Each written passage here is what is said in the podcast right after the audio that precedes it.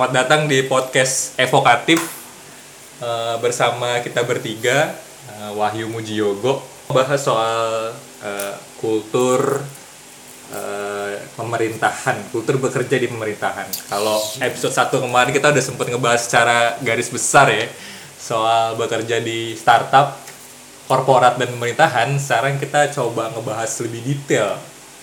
Gimana sih eh, gimana sih lu bekerja di pemerintahan prosesnya kayak apa kebetulan kan sahabat dari kita bekerja di pemerintahan juga kan yang mana adalah saudara Waduh. Yogo Tapi ya tadi ya gue selalu disclaimer nih karena gue ngeri-ngeri sedap nih kan. Pemerintah lagi disorot gitu kan, asal ngomong asal ini wah bisa jadi masalah. Jadi tiba-tiba gua- dicopot saja Nah, gue akan membahas benar-benar dari sudut pandang gue, dari pengalaman gue dan dari ilmu yang gue punya gitu. Kalau misalnya ada salah-salah ya maafin gitu kan. Ini benar-benar pure dari pendapat gue. jadi untuk misalnya ada pejabat-pejabat yang dengerin podcast kita iya ya kan siap. Yogo mana ini ya? Yogo mana? Coba cari Yogo. ya Mana? kantornya di jalan iya Jalan-jalan ya. oke Ji Eh, gimana Ji kan kita beberapa hari yang lalu CPNS udah tutup ya Udah udah tutup ya tutup. Heeh. ada Ya, banyak ada datanya berapa daftar tuh Di 2018 ini jumlah pendaft pelamar yang lolos tuh 2,5 juta. Wow. Lolos Itu- administrasi. Lolos administrasi. Itu naik dari 2017 yang lalu itu yang daftar tuh 2,4 juta. Jadi yang daftar 2,4, nah 2018 tuh lolos tuh 2,5. 2,5 ya. Berarti kan yang daftar lebih Nah, banyak. daftar lebih banyak lagi 2,5 juta itu Iya. berapa persen dari Terus penduduk di Indonesia 2017 itu 61 instansi yang daftar. Nah, sekarang 2018 tuh udah 72 instansi. Itu kan em, dan kemarin kan juga banyak Pemprov Pemda juga kan yang buka kayak kemarin DKI juga buka tuh. DKI banyak banget tuh kan. Yoi. Iyalah. Gede anjir tunjangannya. Oh, iya. DKI. Nah itu itu mungkin salah satu alasan ya maksud gua jadi 2,5 juta orang memilih untuk bekerja menjadi CPNS merebutkan berapa kursi sih sebenarnya yang tersedia? Waduh. Aduh, gue juga gak punya datanya nih. Waduh. Ntar kita googling udah googlingnya sendiri lah. Tapi yang pasti jauh lebih sedikit kan? Iya, Iya. persaingan ketat nih. Persaingan ketat banget kan. dan Nah, gue juga ini apa em, terkejut juga ya maksudnya banyak teman-teman gue yang misalnya yang sebenarnya tuh dia milenial gitu kelihatannya cuman ternyata dia juga daftar gitu di pemerintahan gitu di CPNS jadi kayak nggak nyangka aja gitu Orang kayak dia gitu ya. iya Lu kayak udah gitu. sempet nanya tapi belum ketemu. Enggak, belum ketemu. Cuma tahu aja pas dia daftar CPNS kan di stories gitu. atau mungkin di ada dorongan orang tua. Nah, itu dia. Itu yang mau kita bahas ya. Nah itu yang mau kita bahas bersama narasumber kita. kita kenapa kira-kira hal itu bisa menjadi sebuah fenomena nih Namanya. Jadi mungkin eh, pertama ini dulu kali ya kayak eh, si Bapak Yogo ini waduh bapak-bapak Oh iya dong, lu kan Iya. pejabat. birokrat. Pengguna jalan tobat. Eh, mungkin apa namanya sharing aja gitu kan. Eh, sebenarnya si orang-orang yang mau jadi PNS itu si CPNS ini tuh kebanyakan atau ada alasan apa aja sih kan kalau yang di episode pertama kemarin salah satu alasannya adalah eh, Aman. Aman. aman ya kan Aman. aman kita kupas lebih dalam ya Security. Mungkin dimulai dari gimana nih? Apa proses lu masuk CPN, CPNS dulu apa gimana? tadi gua ngeliat fenomena yang 2,5 juta itu sih gua baru dengar juga dan menurut gua kalau lihat sisi positifnya ini sebuah hal yang positif banget gitu Positif ya. sekali. Di mana teman-teman kita nih eh, generasi milenial tenaga kerja sekarang gitu kan semangat mengabdi pada negaranya tinggi bener, ya. baik. bener kan Baik, baik. abdi negara nih mereka semangat banget ini mengabdi pada negara memberikan pelayanan pada masyarakat wah luar biasa nih kan Ya, bagus bagus tadi gua ngeliat positifnya sih di situ sebenarnya. Dan yang yang nggak bisa kita pungkiri juga ya tadi memang ada mungkin dorongan dari orang tua dan sekarang sih PNS men- masih menjadi salah satu status sosial yang dipandang kayaknya dari masyarakat ya. Kalau misalnya dibilang oh kerja di mana? PNS kayak orang tuh Oh, mandang gitu-gitu ya. wah ini orang berpendidikan lah. Nah, menantu idaman. Bisa Iya. jadi gitu kan. Benar-benar itu.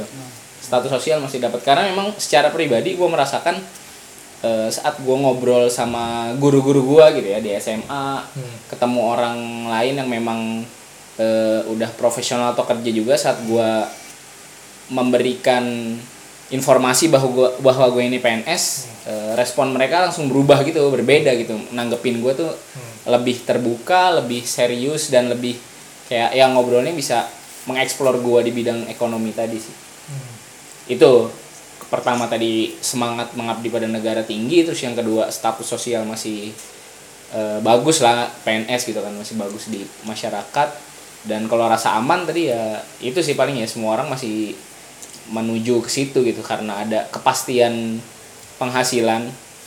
Dan yang tren mungkin sekarang yang kelihatan tadi Muji udah bilang ya, apa tunjangannya gede gitu ya dari Pemda. Dan yang nggak bisa kita tutup mata juga sekarang emang PNS ini lagi gencar soal remunerasi gitu di mana memang banyak tunjangan-tunjangan tunjangan-tunjangan yang ya itu jauh jauh berbeda dibanding zaman dulu gitu kalau eh, pejabat-pejabat yang pernah gua dengar speechnya gitu ya bahwa PNS itu hidupnya secara cukup gitu ya. saat lu mau beli mobil cukup gitu kan. saat lu mau beli rumah cukup cukup. gitu ya ada gitu ya Iya. ada uang uang rakyat Ya.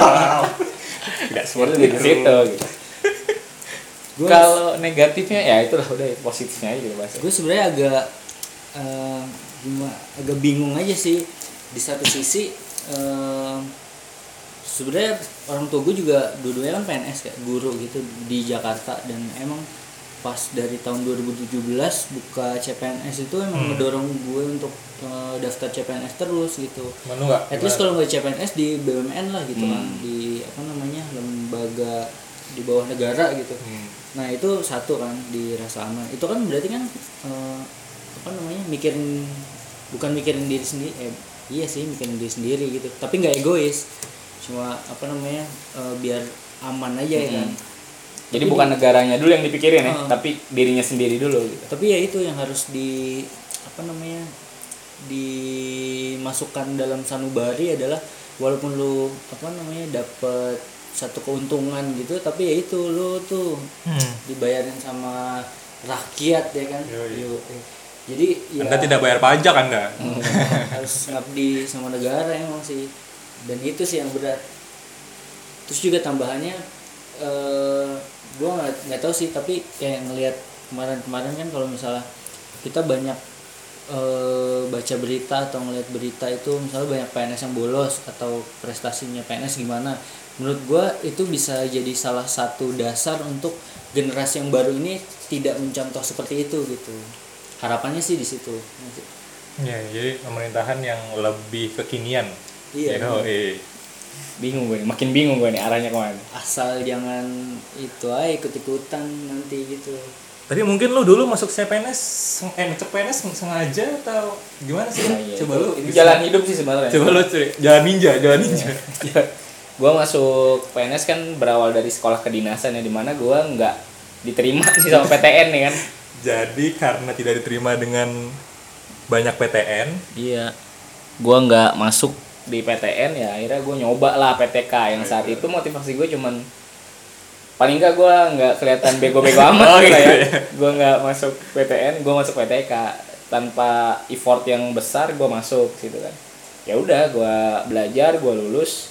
Dan kebetulan di generasi gue saat itu mahasiswa kedinasan pun masih dites dulu buat jadi PNS Oh, yang gitu? kalau sekarang terkenalnya CAT ya Computer Assisted Assisted Test. Test. itu programnya BKN dan angkatan gue pun gitu di tes dulu. Jadi akhirnya beberapa ada yang memang nggak lulus dan ya udah kuliahnya jadi seolah-olah sia-sia gitu ya karena dia akhirnya nggak jadi CPNS dengan dia nggak lulus tes itu. Sekarang itu udah nggak ada? Itu justru angkatan gue yang oh dimulai. yang baru mulai. Eh, Oh, dan oke, sekarang semua tes pakai gituan sekarang. Oke. jalur umum kayak gitu dan jalur kedinasan sebelum kuliah. Sebelum udah kuliah dites gitu. oh, oke. Camkan itu nak. Camkan yang itu mau Anda. masuk PTK anda akan dites anda. Tes dulu. stan stis terus waktu itu lo pertama kali berapa berapa lama tuh apanya yang pertama kali masuk apanya berapa lama kuliahnya oh kuliahnya wah disebut ini Waduh, ya saya tidak. Kan berapa lama Bapak? Bukan. ya tahun-tahun lah ya, tahun-tahun. ya. Habis itu masuk. Kemudian eh, kurang lebih berapa lama di ini? Sebelum akhirnya cerita dong gimana prosesnya sampai ya tadi pokoknya gue kuliah lulus terus gue tes Eh, dapat lah tuh kan penempatan di salah satu kementerian dan salah satu direktorat. Hmm. ya udah biasalah CPNS gitu kan. Eh, istilahnya OJT on job training. Saat itu keliling seksi keliling bidang biar gua tahu semua pekerjaannya. Dan menurut gua tools OJT ini udah bagus sih di sekarang ini. Jadi lu disuruh mempelajari semua seksi di kantor itu dan outputnya adalah lu punya tugas akhir yang itu memberikan solusi atas masalah yang ada Oh, di dalam kantor itu Itu selama setahun apa selama berapa lama? 3 sampai 6 bulan lah 3 normal. sampai 6 bulan lu digilir, Iya. diputer ke banyak seksi sehingga lu dapat gambaran eh, seluruh operasinya itu seperti apa. Iya. Habis itu lu disuruh bikin tugas akhir. Tugas akhir. Dalam bentuk apa sih tugas akhirnya? Tugas akhirnya bentuknya makalah dan presentasi di depan pejabat di kantor itu. Oh. kayak ini ya apa kayak manajemen training gitu yang sih Iya, iya, iya. bener ya. ya Ah. kayak di bank gitu di BI juga temen gua tahun 2017 ya pas BI kemarin juga gitu sih ada Diputer ya? diputar eh, biar nyoba dulu ke mana Iya. itu juga salah satu keuntungan buat organisasi sih Iya, nanti iya. dia oh ternyata dia performnya di sini ya udah Iya, nanti masuknya di situ gitu. situ ya. Assessment juga kan dari salah satu assessment. Iya. salah satu Jadi kalau kalau tugas akhir sih emang tugas akhir sih emang di gua bikin sih. Cuman nggak dalam bentuk makalah memang. Tapi kalau digilir enggak. Itu paling proses gue dari CPNS tadi setahun eh, enam bulan OJT terus masa magang artinya CPNS itu kan sebenarnya calon ya jadi sebenarnya itu kalau di swasta apa probation ya masa Hmm, percobaan tuh hmm, satu hmm, tahun. Ya sekontrak ya. Nah, kalau satu tahun lu perform, satu tahun lu bisa melewati standar yang ditentukan, lu diangkat lah jadi PNS. Jadi saat lu udah keterima CPNS nggak serta merta lu akan jadi PNS. Gitu. bisa di bisa nggak diangkat juga Bisa nggak diangkat karena banyak prosesnya, banyak pelatihan yang harus dilewatin gitu. Cuman selama ini memang ya karena di depan tesnya menurut gue udah cukup ketat, udah cukup eh, komprehensif lah harusnya di proses itu mereka lolos. ada ada nggak temen lu gitu misalnya yang nggak ada yang nggak lolos itu sebenarnya lebih bukan karena kompetensi sih tapi lebih ke kesehatan yang akhirnya dia sakit dia nggak bisa ngikutin proses ya udah dia nggak bisa diangkat gitu. Lebih ke situ. atau ya abdi negara ini kan harusnya Indonesia dari Sabang sampai Merauke ya. Iya, iya. nah banyak nih teman-teman gue yang nggak mau melanjut ke PNS karena dia tahu dia akan ditempatkan di pelosok dia akan ditempatkan di luar Jawa dan yang lainnya jadi memilih untuk udahlah gue nggak seterusnya jadi PNS walaupun dia udah CPNS saat itu Oh gitu. iya banyak yang kayak gitu Oh, gue pikir sebelum masuk CPNS tuh orang udah mikir ya emang akan bisa ditempatkan di mana saja. oh iya itu jelas kontrak di atas kertas itu ada cuman gue nggak tahu itu orang tanda tangannya sadar apa enggak gitu. jadi saat udah penempatan dia baru oh ternyata ini bukan sebuah Atau mereka mendapatkan jadi waktu lu eh, lu sadar tuh lu mungkin ditempatkan di Manokwari oh iya sadar gue saya beruntungnya nih. iya beruntungnya gue masih tetap di kota besar gitu kan di Jakarta Siap. Terus eh kita sempat ngebahas keuntungan tadi kan ya. Mm-mm. Nah, menurut tuh, oh kan gue sempet denger lu ada tugas belajar juga kan. Mm-mm. Nah itu kan menurut gue ya salah satu keuntungan yang gue kan sendiri bekerja di korporat yang mana tugas belajar lu eh, bekerja eh belajar tapi digaji kan yang mana sebenarnya menurut Iya. gue ya sebuah keuntungan.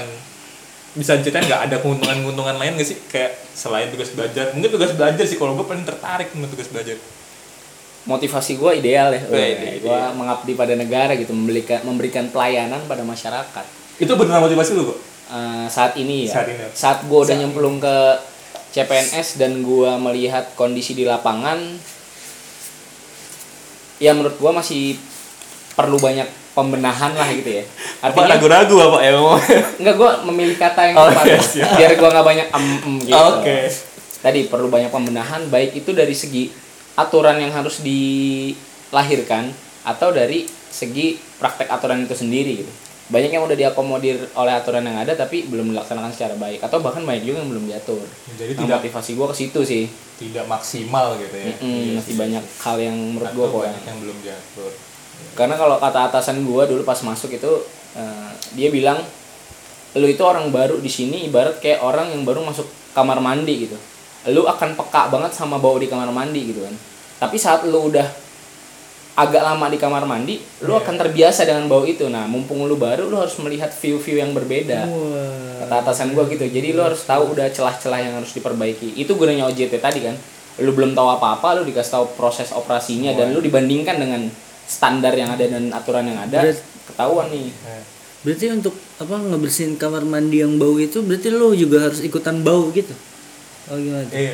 wah ini berarti ya Iya iya. ya menurut gua enggak sih tadi kan lu peka lu tahu ya segera lu abisin lah sumber baunya gitu segera lu bersihin sumber baunya itu motivasi gua sih sampai saat ini gitu membenahi apa yang ada karena tadi banyak yang menurut gua kurang tepat kalau benefitnya sendiri eh, iya secara pribadi tadi memang orang banyak bilang tugas belajar tuh enak gitu kan lu digaji Betul. lu kuliah lu nggak kerja gitu Betul, karena tugasnya dia emang belajar gitu. Belajar. Nah, tapi kalau secara kerja ya nggak enaknya dipotong sebenarnya gitu ya ada potongan yang menurut gue lumayan material lah Oke. dari eh, pekerjaan lu hilang gaji lu hilang beberapa persen gitu Ya kan kalau orang kayak gue misalnya yang lagi di kuliah kan juga ada Kepotong ya. juga kan, karena Hmm, gua harus bayar iya. kuliah juga jadi kan. menurut gue ya hampir sama lah gitu dengan benefitnya gue lebih bisa fokus untuk yes. kuliah ya cuma Itu memang ya. dituntut tadi sih lu Nilai. harus ah nilai lu harus bagus ada sistem DO dari tugas belajar dan setiap semester itu ada laporan belajar dan bahkan instansi gua IP itu menjadi salah satu key performance gitu saat IP lu misalnya rendah ya itu akan berpengaruh nanti ke tunjangan lu gitu karena dianggap lu nggak bisa melaksanakan tugas dengan baik Hmm. kan tugas lu belajar nih tapi nilai lu jelek berarti Oh lu- di di review ya? iya Wow. tiap tahun ada laporannya tiap semester kan ada laporan Iya sih. Gue juga apa ngelihat juga sebenarnya eh, untuk pendidikan PNS-nya negara juga masih itu sih masih concern ke situ sih kayak eh, kan ada LPDP juga. Mm. dan masih banyak kementerian-kementerian lain juga yang ngebuka beasiswa kan setiap kementerian. Bahkan kominfo aja itu dia ada beasiswa untuk swasta. Hah? iya. Iya iya ada. Jadi jadi pegawai swasta pun bisa daftar eh, apa namanya beasiswa Beasiswa kominfo ini. Oh ya? tapi kalau kominfo kan emang untuk IT ya jadi ya ya harus ke sana gitu jurusannya. Tapi bisa gitu swasta dengan beberapa apa namanya requirement nah ini semua sih menurut gua semua kementerian ya sesuai bidangnya tadi artinya lu boleh kuliah dengan kepentingan organisasi kalau dirasa organisasi nggak butuh dengan jurusan itu ya lu nggak bakal bisa kuliah di jurusan itu gitu. jadi tetap bisa belajar lah ya Ah, ah. jadi PNS tuh ya jelas Jadi emang eh, kebutuhan akademis lu tuh tetap akan terpenuhi gitu ya Mm-mm. ketika lu kepengen gitu. karena sejauh ini memang sistem di PNS masih mengedepankan pendidikan formal sih. Mulai dari jabatan pangkat status tunjangan itu tuh masih ngelihat pendidikan formal. Walaupun dalam prakteknya terkadang lulusan S1 Sama sama, aja. lulusan D3 kerjanya sama, nih Sama tapi aja. gajinya beda gitu. Terkadang masih ada yang kayak gitu. Soal keukur sih kan satu d tiga Ah, ah, iya. tangible Itu menurut gua juga banyak berlaku di kantor-kantor lain sih ya. Nggak cuma di instansi sih kalau gitu. jadi beban kerjanya masih nggak berdasarkan lu dibayar berapa lu kerja Iya, apa iya, gitu iya. kan tapi ya Kurang lebih hampir sama. lu bisa ya lu kerjain gitu Apalagi nih kok keuntungan lain apalagi selain tugas belajar? keuntungan apa yang, tadi ya apa belum yang lu merasakan itu belajar. sebuah benefit Eh, itu sih kalau lu lu mau lu nggak bayar pajak kan ya ditanggung pemerintah sih ya. Ditanggung pemerintah Nah, sih pajak ya. gua ditanggung pemerintah. Jadi bapak jadi yang muter aja gitu kan. Yang kalau sudah bekerja terus membuka rekening tiap tanggal 25 apa tanggal 1 ngeliat pajaknya besar nah. Itu buat biar bapak ini. Oh iya iya iya iya. Paham paham paham. Iya Oh, iya. emang diambil dari situ. Betul sekali. keuntungan tadi kalau misalnya gua punya semangat sosial mungkin kita udah pernah ngobrol gitu ya, kalau gua waktu gua habis buat kerja ya kerja gue itu buat sosial gitu Hmm, buat masyarakat gitu ya, buat buat- negara ah, ah. jadi kalau misalnya gua merasa jenuh dengan itu ya ternyata ada nilai plus yang udah gua lakuin karena gua memang berlaku buat eh, negara berbeda dengan privat yang mungkin ya itu buat keuntungan Buat perusahaan lu gitu bukan iya. buat kemakmuran negara gitu kan Nah ini kalau ini agak berat sih. Eh, mungkin nggak tahu sih out of topic apa enggak. Kalau misalkan em, eh PNS tuh nyoblos juga ya kan. Kalau misalnya presidennya nggak sesuai sama pilihan lo, apa kalau tetap seidealis itu? Waduh, gila berat juga nih. Emang kita biasanya obrolnya kayak gini. Oh, iya, iya. Iyalah. nah itu sih eh, Terus gini lah. gua sempat sempat berpikir gitu ya di sektor pemerintah itu nggak nggak jauh dari sistem yang kayak gitu gitu kalau dulu malah di gua saat di klub prajabatan itu ada yang namanya teori ABS asal bapak senang gitu. Siap, Asal bapak senang. Nah, siap. jadi itu zaman dulu banget gitu. Kalau eh, atasan kita udah ngomong A ya udah kita harus ngikutin A gitu. Dan menurut gua sekarang itu udah mulai bergeser karena dengan tenaga kerja dan pendatang kayak kita nih millennials gitu kan yang lebih kritis lebih pengen tahu hak dan kewajiban gua apa sih gitu. Dan lebih filosofis juga. Kalau gua ngerjain ini alasannya kenapa gitu? Dasarnya apa sekarang sih gitu gua ngerasain di kantor yang gua tempatin atasan gua lebih bersifat demokratis tadi. Lebih bisa ngasih usul dan keputusan itu cenderung diambil bersama dengan pertimbangan-pertimbangan yang ada gitu. Ya kalaupun tadi misalnya ke arah presiden ya harusnya jangan nyalain ke PNS ya tapi nyalain ke rakyat. Kenapa kalau nggak sama lu pilih tuh presiden? Gitu kan? Tapi Oh, sejauh ini, ini tadi pertanyaannya bersifat personal. Hmm, tapi sejauh ini sih selalu masuk lah gitu. Karena presiden kan tinggi ya kalau ke PNS masih lewat menteri masih lewat dirjen gitu. Jadi kayaknya breakdown ke bawahnya itu masih sesuai dengan tugas dan fungsi dari eh, kantor tersebut menurut gua. Tapi ini loh eh, apa namanya sebenarnya enggak eh bukan enggak maksudnya presiden itu em, bisa ngaruh sih kayak dulu itu pas zamannya SBY itu kementerian kan ada dua ada kementerian PU ada kementerian perumahan rakyat Mm-mm. nah pas di zaman Jokowi itu kementeriannya dilebur di satu Iya. nah cuman pas dilebur itu em, kerasanya kementerian PU itu lebih di atas kementerian perumahan rakyat pas dilebur jadi kayak masih ada gap jadinya ya? oh, PNS PNS-nya ya yang di PU ngerasa lebih superior Hmm, heeh, superior gitu di Pera dan itu eh, mungkin bisa jadi salah satu apa namanya kayak rasa tidak nyaman ya kan. Rasa tidak nyaman misalnya eh, si Kementerian Perumahan Rakyatnya merasa tidak apa ya eh, ngerasa presidennya nggak pro ke dia gitu. Misalnya salah satunya dari nama aja sih Kementerian PU PR jadi PU-nya duluan gitu. Hmm. nah golongan-golongan eh, lama itu ma- masih berpikir kayak gitu. Iya, iya, iya. ngerasa gitu. Jadi itu gua kejadian dalam kehidupan sehari-hari lu gimana? Maksudnya kayak realnya gimana sih? Apakah lebih denger suaranya Kementerian PU apa? Gua, gua kan di startup. Tapi jelas itu Iya ada. juga maksud ya. gua kadang memang eh, kebijakan nih misalnya kebijakan antara antara kebijakan yang dikeluarkan pemerintah misalnya dari presiden sama target kerja lu tuh suka suka Iya. kontradiktif gitu. Misalnya kayak eh, lu pengen kalau kita bicara ekonomi nih Hmm. nah, karena background gue ekonomi gitu kan kalau bicara ekonomi misalnya eh, Kemenq dikasih target nih Hmm. untuk eh, penerimaan pajak Hmm. bertumbuh gitu kan tiap tahun naik tapi di satu sisi banyak kebijakan-kebijakan yang dikeluarkan pemerintah itu nggak berpihak pada kenaikan tadi jadi misalnya tarif pajak. pajak dikurangin kan sekarang yang lagi gencar itu Juli kemarin adalah tarif UMKM yang turun Hmm. dari satu persen turun ke setengah persen nah itu kan kalau dilihat eh, di satu sisi presiden pengen nih penerimaan naik tapi kok tarifnya malah diturunin gitu kan itu kan bingung ya.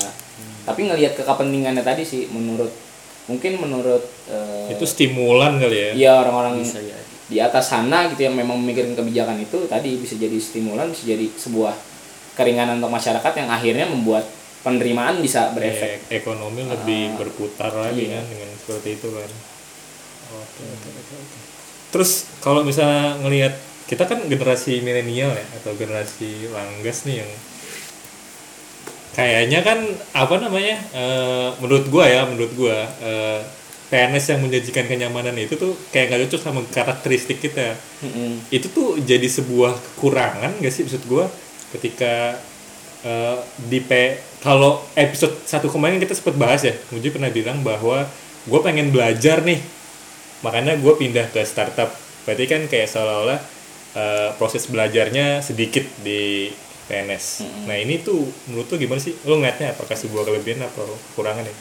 menurut gue kalau belajar tadi ya masih bisa di PNS cuman tinggal masalah kultur sih emang karena kultur di PNS itu menurut gue lebih ya lu harusnya tuh fokus sama kerjaan lu sendiri dulu gitu Kerjaan sendiri. Ah, kalau lu udah selesai kerjaan lu sendiri lu mau belajar yang lain itu opsional gitu kan Hmm. tapi kebanyakan orang ya berpikir kalau gue udah bisa nyelesain kerjaan gue sendiri buat apa gue ngurusin kerjaan orang lain kan? Toh gue dibayar sama dengan hal yang gue kerjain itu. Nah menurut gue di situ sih ngebedainnya. Kalau misalnya lu mau belajar ya belajar itu nggak harus dibayar kan? Jadi kalau lu mempelajari kerjaan lain tanpa dibayar ya itu cara lu self improvement lu di situ gitu sebenarnya. Tapi kalau lu nggak mau memilih untuk itu ya udah cukup.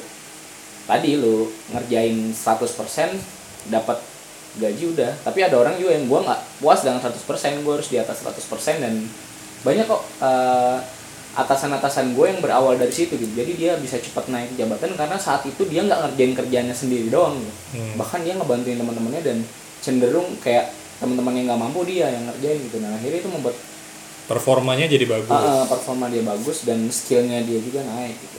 Jadi kalau Yes. kemampuan belajar menurut gua di PNS tetap bisa, cuman tinggal kulturnya aja. Kalau mayoritas orang kayak gitu kan ya akhirnya lu ngikut kan. Iya. Udahlah gua ngerjain kerjaan gua sendiri. Jadi mindset gitu ya. Mm-mm. dan kultur setiap direktorat dan kementerian juga beda ya Iya, itu juga berarti tergantung sama menterinya siapa dong ya? benar, iya benar. berarti Karena kayak tools pendidikan itu tuh dibuatnya ya per kementerian sih. Walaupun secara aturan kepegawaian itu udah ada standarnya misalnya kayak setiap pegawai ini minimal satu tahun itu e, menyelesaikan sekian jam latihan namanya jamlat. Jadi harus setahun itu lo harus ikut diklat berapa kali, berapa hari itu ada gitu. Ada standar minimalnya. Udah diatur sebenarnya. Jam jam latihan tuh emang ada schedule, ada jadwalnya berarti ya. Hmm. Oh. Jadi misalnya pelatihan Microsoft Office misalnya. Nah itu kalau di kantor gue sendiri dilihat setiap misalnya setiap enam bulan sekali ada lihat yang yang udah dapat siapa nih yang belum dapat siapa gitu jadi dibagi biar semua orang belajar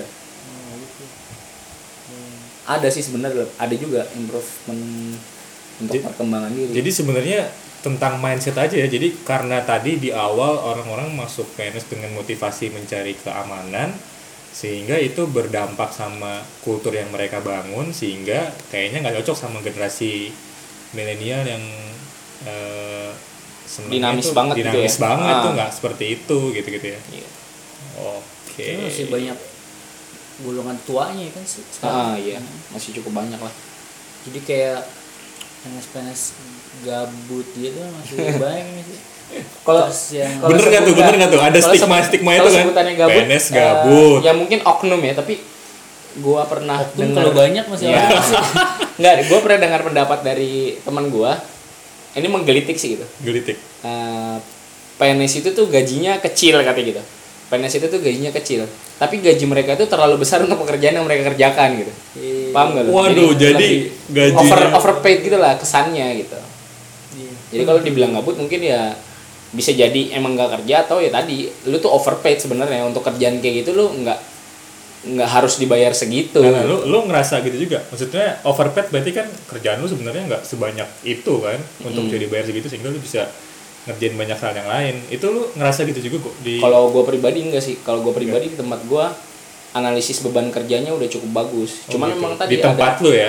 Ada ya tadi mungkin generasi tua yang memang udah nggak bisa dipaksa untuk naik lagi gitu Eh, sementara gaji gaji terus naik naik. ke- kebijakannya naik gitu Siap. gajinya tapi kinerja lu ya udah mentok gitu kayak ada generasi-generasi yang senior itu yang udah susah disuruh pakai office aja tuh udah susah gitu tapi padahal tuntutannya semua sekarang udah pa- pakai gitu kan uh, gua tertarik nih sama analisis beban kerja tadi. Berarti emang di setiap kementerian tuh ada ada ininya, ada. Ada. ada Ada dan ya? itu dituangkan dalam bentuk dasar hukumnya kayak keputusan menteri gitu sih atau keputusan dirjen ya bahwa di setiap unit dengan kerjaan ini minimal punya orang segini gitu Oh gitu. tertulis itu ada Oh, ada hitungannya dong ya? ada nah. ada pakai Excel gitu ya kan Oh, Nah, cuman gua nggak tahu kalau itu kan gue belum tahu Eh, di internet cari guys cari tuh.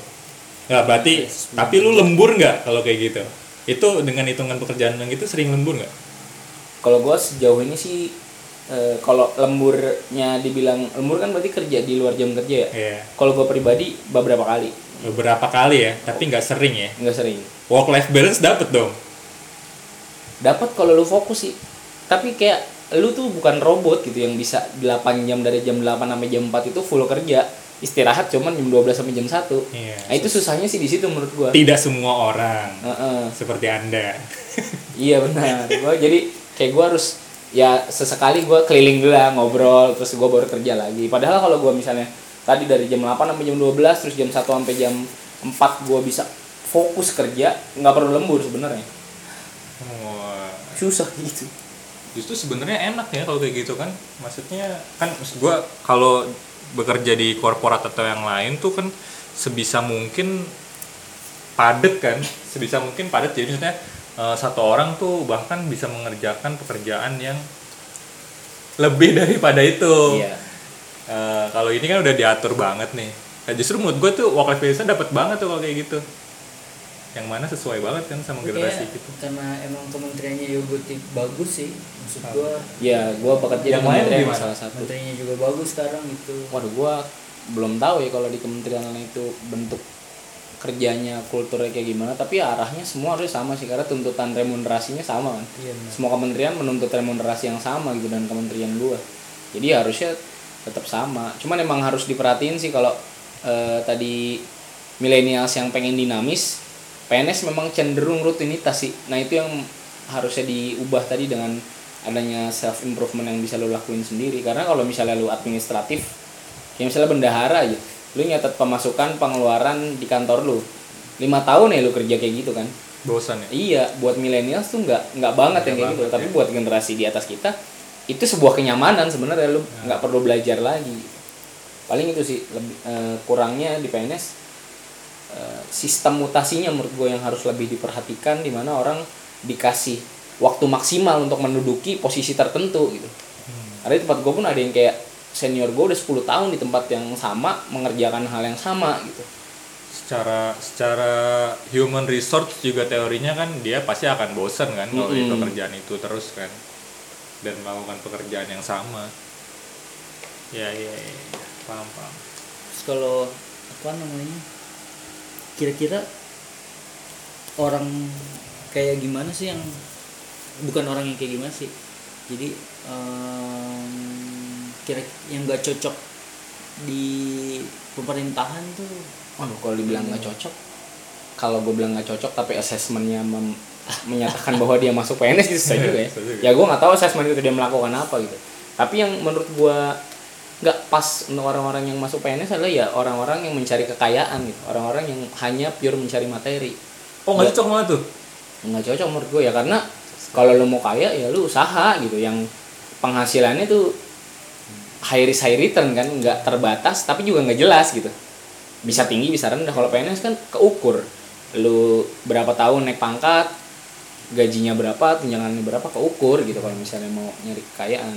Dan ya akhirnya kalau lu nyari kekayaan apa aja lu sabet gitu kan. Yang hal-hal yang meragukan pun waduh. bisa lu sabet oh gitu. itu ya dasar. Emang lo nggak ada pembatasan ya lo nggak bisa kerja misalnya kayak usaha sembari PNS ada pembatasan gitu mas secara dasar hukum gue belum belum terlalu paham sih. Maksudnya ada yang karena senior gue masih banyak yang melakukan usaha di luar dan Usaha menurut gue cukup sukses gitu. Hmm. ya cuman mungkin itu akan mengurangi performa dia kali ya di mana orang yang satu fokus tapi dia masih mikirin usaha gitu kan. Jadi ya kurang fokus gitu. Jadi tadi kalau misalnya lu nyari duit ya lu mendingan jangan jadi PNS Ya, kalau lu itu cuma nyari duit. Karena tadi lu terukur terbatas gitu ketahuan. Dan ya tadi karena ada hal yang meragukan jadi apa aja lu sabet gitu. Contohnya misalnya kayak eh, kan sekarang lagi lagi marak nih efisiensi dinas ya. Hmm. nah itu tuh kalau misalnya lu nyari tujuan lu nyari duit itu akan jadi bahan rebutan gitu. Hmm, dinas ke mana nah, gitu. dinas ke mana uang hariannya berapa Uang sih gitu dan lu pengennya kerjadin ya? Hah? kerjadin gitu. Efisiensi dinas iya gitu. iya Jadi, kayak gitu. Perjalanan dinas. Uang hariannya berapa persen? Bahkan sekarang ada beberapa kementerian yang menerapkan di bawah standar udah ditentuin tapi kebijakan atasannya lu nggak bisa dapat 100% gitu. Oh gitu? Iya Wow. bisa dipotong dengan kebijakan gitu Nah, tadi kan jadinya lu jadi rebutan kan lu gue pengen dinas ke sini nih karena apa? Karena uang hariannya gede nah menurut Gede. gue udah salah motivasi. Dan yang gue nggak suka juga banyak teman-teman gue yang lu tugas belajar nih. Ah. walaupun tugas belajar itu sebenarnya kan untuk menjaga organisasi dari tugas belajar itu lu dikontrak kan. Artinya lu nggak boleh habis tugas belajar langsung keluar. Lu harus mengabdi dulu dong dengan lu udah dibiayain kuliah. Lu harusnya mengabdi dulu mengaplikasikan ilmu lu dulu. Tapi temen-temen gue banyak yang berpikir kayak gue tugas belajar nih ya udah gue nyelesain kontrak gue aja sama eh, pemerintah sama negara gitu di mana misalnya gue S2 terus gue harus mengabdi minimal 4 tahun misalnya Ah, bisa. ya udah habis 4 tahun itu gue pengen cabut Oh, gue pengen lebih menguntungkan itu memang. ya secara egois secara diri sendiri banget itu kan Oh, iya. lu kuliah dibiayain pemerintah tapi lu akan perform secara maksimal di luar untuk keuntungan pribadi lu Oh. baik teman-teman gue yang ber- udah berpikir akhirnya mereka akan keluar dari PNS karena mereka Oh, ingin mencari penghasilan yang lebih gede. Oh, kalau jadi kalau lo melihat penghasilan tuh eh, ya lo akan keluar jadinya gitu ya. iya lu akan nggak puas tadi. Tapi ya gimana ya itu kan eh, orang lu kan PTK ya? Nah, ya salah satu alasan siswa-siswa masuk PTK kan karena dicoba aja gitu ya kan? Iya. Biar supaya kuliah gitu kan sebenarnya gue ke arah mana sih ngomong iya gitu. Masalah Maksud gua, materi tadi. awal iya masalah maksudnya awalnya tuh awalnya tuh agak sulit untuk seidealis itu karena itu. Misalnya tuntutan tuntutan orang tua atau tuntutan usia gitu sehingga lu ya udahlah yang penting kuliah dulu gitu. Udah Iya, daftar lah salah satunya adalah PTK gitu. Hmm. at least gitu kan. Motivasi ke ini ya sah sah aja deh seperti episode Iya, kemarin. iya, iya. Sah sah aja lu nyari aman pengen nyari duit gitu. Tapi tadi kalau misalnya tujuan lu itu memperkaya diri lu dengan yang nggak wajar ya itu sih yang salah gitu. Akhirnya motivasi lu tadi by income yang lu dapatkan gitu lu akan memilih pekerjaan sesuai yang yang lebih gede yang mana nih gitu. Hmm. gue itu kurang pas aja sih karena ya nggak semua pengabdian lu itu akan dibayar. Sebenarnya ada hal-hal yang nggak nggak dibayar juga. Hmm. Nah, lu kira-kira kalau dari lu ada nggak kayak kultur atau habit kebiasaan yang bisa lu ceritain di PNS tuh kayak gimana? Beda-beda kan misalnya nih kalau di eh, startup tuh dia lebih dinamis, lu kalau kerja bisa sembari eh, bisa pindah-pindah tempat Hmm. gitu-gitu kalau Nah, itu sih yang agak kurang cocok sama milenial sebenarnya di situ di PNS tuh disiplin itu masih jadi sebuah ada apel-apel gitu ya. Ada rutin ada apel rutin atau upacara rutin gitu ada Nah, ah sejaman apel. kayak masih ada siap. ya guidance yang harus lu patuhin gitu kan Iya. walaupun itu nggak relevan dengan apa dengan kerjaan lu gitu Iya. lu tahu nggak di PNS itu ada yang namanya izin luar negeri gitu izin luar negeri. jadi kalau lu mau ke luar negeri mau itu di luar jam kerja pun lu harus izin atasan lu gitu. Oh gitu. Iya, dan lu itu- udah ngambil cuti nih. jadi kayak Ah. kalau sabtu minggu gitu Sabtu minggu lu keluar negeri lu harus izin Kenapa? yaitu kalau gua yang gua tahu ya peraturannya berangkat dari memang karena PNS itu pejabat negara aparatur sipil negara yang disorot masyarakat lu nggak boleh hidup sembarangan gitu dari ujung rambut sampai ujung kaki tuh lu diatur, gitu Diatur. Nah, karena lu di is- istilahnya lu makan dari duit rakyat gitu ya Ja- jadi kultur atau kehidupan lu juga nggak boleh semena-mena gitu Oh gitu. Izin tuh. iya ada namanya izin kalau kroco-kroco gitu kayak gua gitu keluar negeri iya Ya iya Harus semua izin juga. harus Oh. izin Iya. tapi kalau kalau keluar kota enggak kan Enggak. Dan harusnya saat lu nggak diizinin ya lu nggak boleh. Oh serius ada yang gak ngizinin? Ada. Kenapa? Alasannya apa? Nggak boleh? Kenapa? Wah nggak paham dah gua kalau itu udah subjektivitas atasan. ya. Pak? ntar kita undang itu Ya, aja san busa dia. Menpan RB biar lebih jelas Oh gitu. Nah, kan Apel tadi masih kayak- ada kayak ya? menurut lu itu nggak penting kan sebenarnya. Iya nggak penting banget. Menurut kita gue. milenial nggak Jelas penting, tapi ternyata itu berangkat. tapi pas lu bilang alasannya eh, ini apa ya aset negara gitu eh, make sense sih menjaga perasaan masyarakat. ya. Enggak sih tadi kalau gue mikirnya mungkin kayak gini sih. Gue lebih kayak lebih ilmiah gitu kayak wah ini aparatur negara nih ada data data negara kan kalau dibawa ke pemerintah eh, tadi lu pergi ke luar negeri terus di kayak di gimana sih di hijack gitu banyak nonton film. Gue yang nonton film. Waduh. bisa jadi sih gue mikirnya tadi gitu sih kayak wah iya sih ini kan dengan negara bisa kan sih, kalau bisa. lu disuruh Iya. mau data negara kan nggak boleh rahasia kan Bisa jadi sih.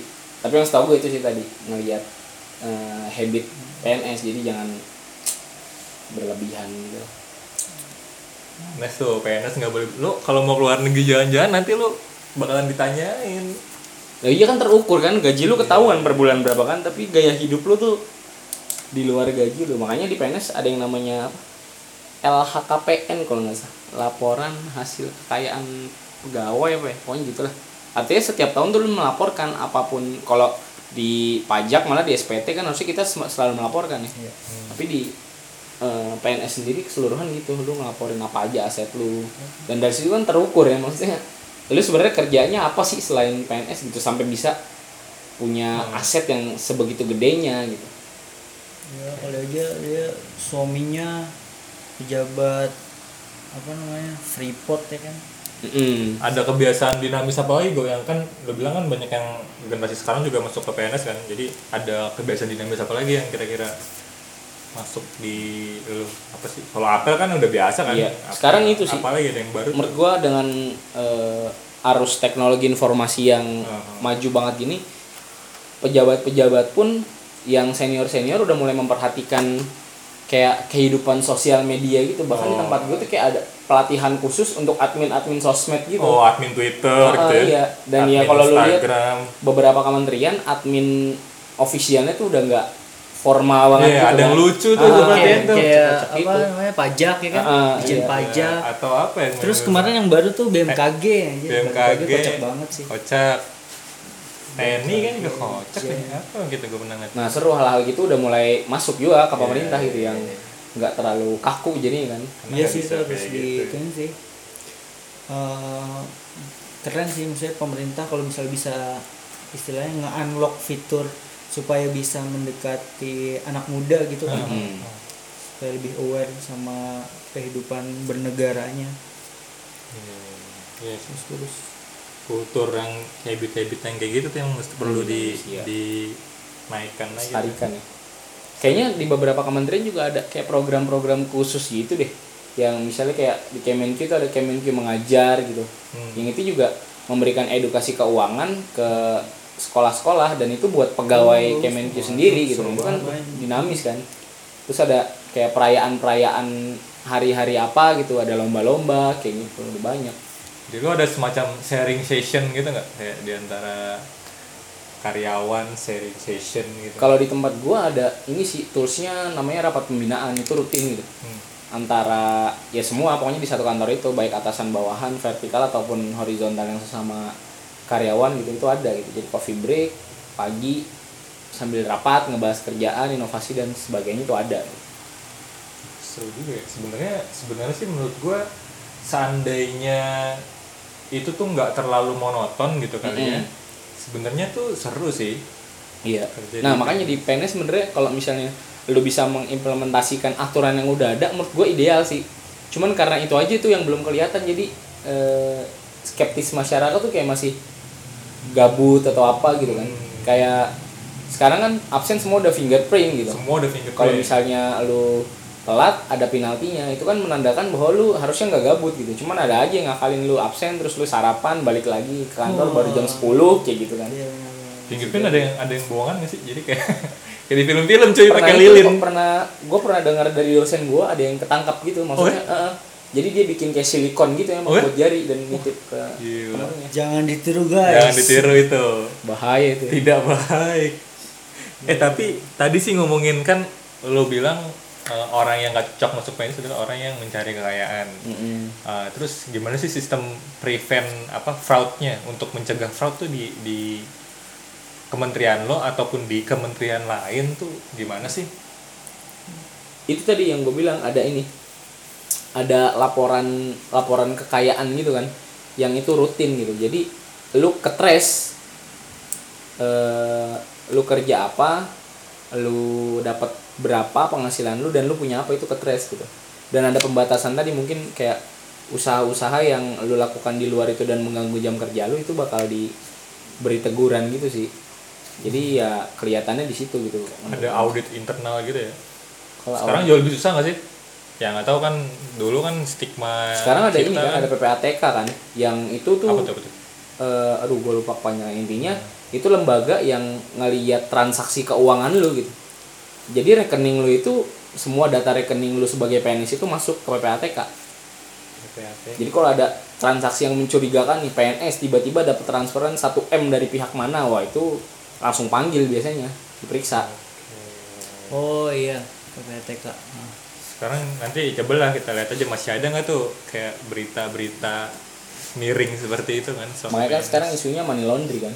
Nah, lu me- mencuci uang lu ke mana gitu yang seolah-olah itu bukan duit lu padahal duit lu. Dan tadi salah satu toolsnya biar me- nggak mencari kekayaan tadi sih cukup gitu. Artinya PNS sekarang udah ya udah lumayan lah gitu gajinya di mana dia harusnya dengan gaji segitu bisa fokus kerja aja gitu. Karena kebutuhan sehari-hari lu dengan gaji segitu tuh cukup nggak perlu lebih dari UMR sampingan. gimana sih? iya jelas jelas jelas di atas UMR Gaji pokok. Enggak kalau gaji pokok enggak masih. Tapi dengan ada tunjangan Tunjangan. dan yang lain itu pasti. Maksudnya. Nah itu ke depannya arahnya sih BKN setahu gue gitu dia pengen menerapkan namanya single salary gitu. Hmm. Jadi post power syndrome orang pensiun ini nggak berlebihan. Kalau sekarang kan orang pensiun dasarnya gaji pokok kan. Yoi. Di mana tunjangan itu jauh lebih gede dari gaji pokok. Iya. Tapi BKN arahnya pengennya gitu. Ada single salary jadi gaji lu Semua. ya udah satu aja namanya Satu gaji aja gitu. namanya gaji. Besarannya segitu nggak nggak ada unsur tunjangan makan, tunjangan kinerja, Semacam take home pay lah ya kalau Iya, di ah, jadi satu doang namanya. sektor privat atau swasta ya. Dan dengan Oke. adanya remunerasi tadi membuat ha- harusnya PNS merasa cukup dan dia bisa fokus untuk mengabdi pada negara. Cia, ya. lu apa eh, berarti kalau lu mah emang udah fokus di sini aja Insya Allah gue masih pengen ngabdi pada negara memperbaiki Indonesia. Wah. Nah, lu lu ngelihat gimana sih ke depannya? Nih kita udah mau mendekati ujung ya. Jadi eh, lu kan sekarang gua nggak tahu nih apa sih ada sektor kebijakan apa gimana di di kementerian lu. Sekarang lu kira-kira ke depannya punya visi apa kayak 10 tahun ke depan lu melihat diri lu sebagai apa sih gitu.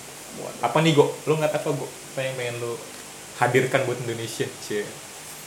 Gue sebenarnya kalau karena gue ekonomi ya dan gue udah ya sedikit banyak belajar tentang teori ekonomi, gue sebenarnya pengen melepaskan Indonesia ini dari sistem kapitalis sih. Aduh. Gimana kayak Pekerjaan gue hilang dong.